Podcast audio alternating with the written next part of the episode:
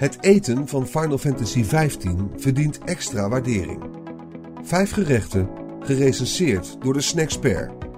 Geschreven door Eke Bosman voor Laatscherm.nl. Ingesproken door Arjan Lindeboom.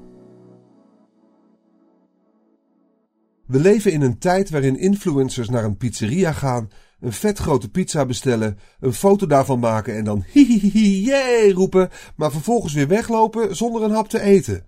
Dat mag dan nep zijn, de hype rondom eten is real. En dat heeft als gevolg dat zelfs ik als snacksper serieus word genomen. Het is toch niet te geloven? Helaas is dat nog niet helemaal doorgedrongen binnen de game-industrie. Kijk, games als Overcooked vinden weliswaar plaats in te gekke keukens, maar noem één grote game die echt op eten gefocust is. Gelukkig is er Final Fantasy XV dat op zijn minst respect toont voor eten in het algemeen.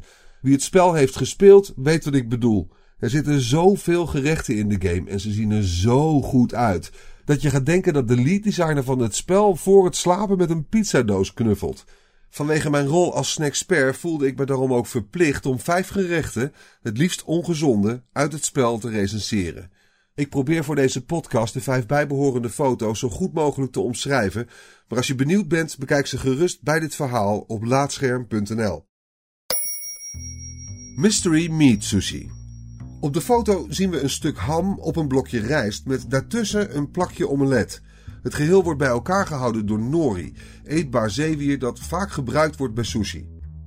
In Nederland zijn we zo dol op sushi dat we talloze restaurants hebben waar je het er voor een vast bedrag onbeperkt van kunt nemen. Wat voor problematische mensen blijkbaar een vrijbrief is om racistische opmerkingen te gaan maken in plaats van daadwerkelijk aandacht te besteden aan het eten. Misschien dat ze daarom geen idee hebben dat er nog veel meer te ontdekken valt op het gebied van sushi. Laat mij het mysterie dan maar ontrafelen. Mystery Meat Sushi is stiekem een van de vaste en populairste snacks van Hawaii. Het is spam, in Nederland beter bekend als smack, op sushi-rijst en daartussen eventueel een omelet. Op Hawaii zijn er tientallen verschillende soorten spam. En daarom is zo'n sushi-hapje net zo verrassend als een wedstrijd van het Nederlands elftal. Het is een heerlijk tussendoortje, maar er had best wat sojasaus bij gemogen. Normaal compenseert de nori dat, maar daarvan zit er net iets te weinig op. Kan beter, 4 van de 5 sterren. Dish en chips. Het gebruik van de term dish is misschien wat overdreven, maar dit gerecht bevat zonder twijfel chips. Dat is de Engelse benaming voor frietjes voor de leken onder ons. De chips worden geserveerd met ketchup en limoenpadjes. Als je had gezegd dat Corrie Konings, tegenwoordig bekend van Expeditie Robinson, dit heeft gefrituurd, dan zou ik je meteen geloofd hebben, want de chips zien eruit alsof ze in een kampvuur hebben liggen overnachten. Wat een gedrocht van een gerecht. De frietjes zijn veel te doorbakken en verder vind ik het crimineel dat er ketchup bij wordt geserveerd. Als avonturier in de wonderenwereld van Final Fantasy wil ik gewoon een flinke klodder mayonaise op mijn bord zien. Eén van de vijf sterren. Stacked ham sandwich. De naam zegt het al, een gestapelde sandwich met daartussen veel sla, ham, avocado en vast nog veel meer ingrediënten, anders was het niet zo'n torenhoge stapel. Kim Holland zou jaloers zijn, want zo'n grote sandwich heeft ze nog nooit gezien. En dat is gelijk al een groot pluspunt van dit broodje. Het lijkt wel de Big Mac van de sandwiches. Na het eten hiervan voel je je alsof iemand een kwartier op je gezicht heeft gezeten. En dat is zonder twijfel het relaxste wat je in weken ervaren hebt.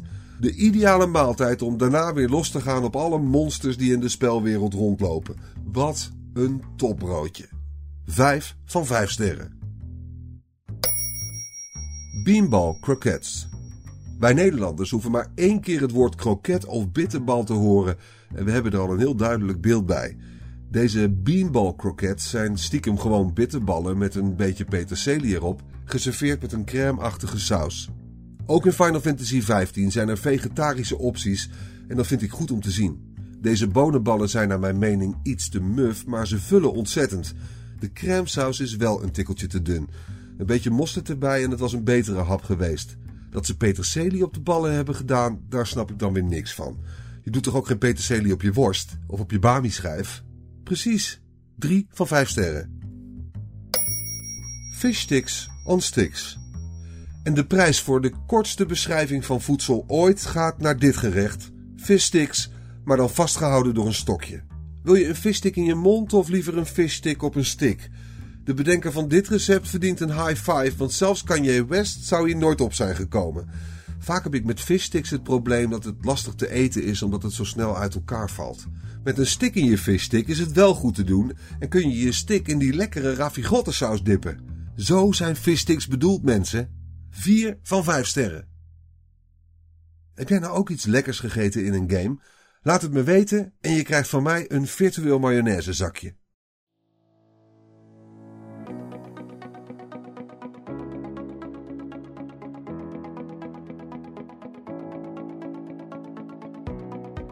Dankjewel voor het luisteren naar deze aflevering van Laatscherm voorgelezen. Als je waardeert wat we hier doen, dan zouden we het leuk vinden als je iemand anders vertelt over laatscherm.nl of een van onze verhalen deelt op social media. Je kunt ook heel eenvoudig 5 sterren achterlaten in de podcast-app van Apple en eventueel een tekstje, waardoor we weer beter vindbaar worden voor anderen. Luister ook naar onze andere podcast, Praatscherm, en ga voor meer verhalen, geschreven of gesproken, naar laatscherm.nl.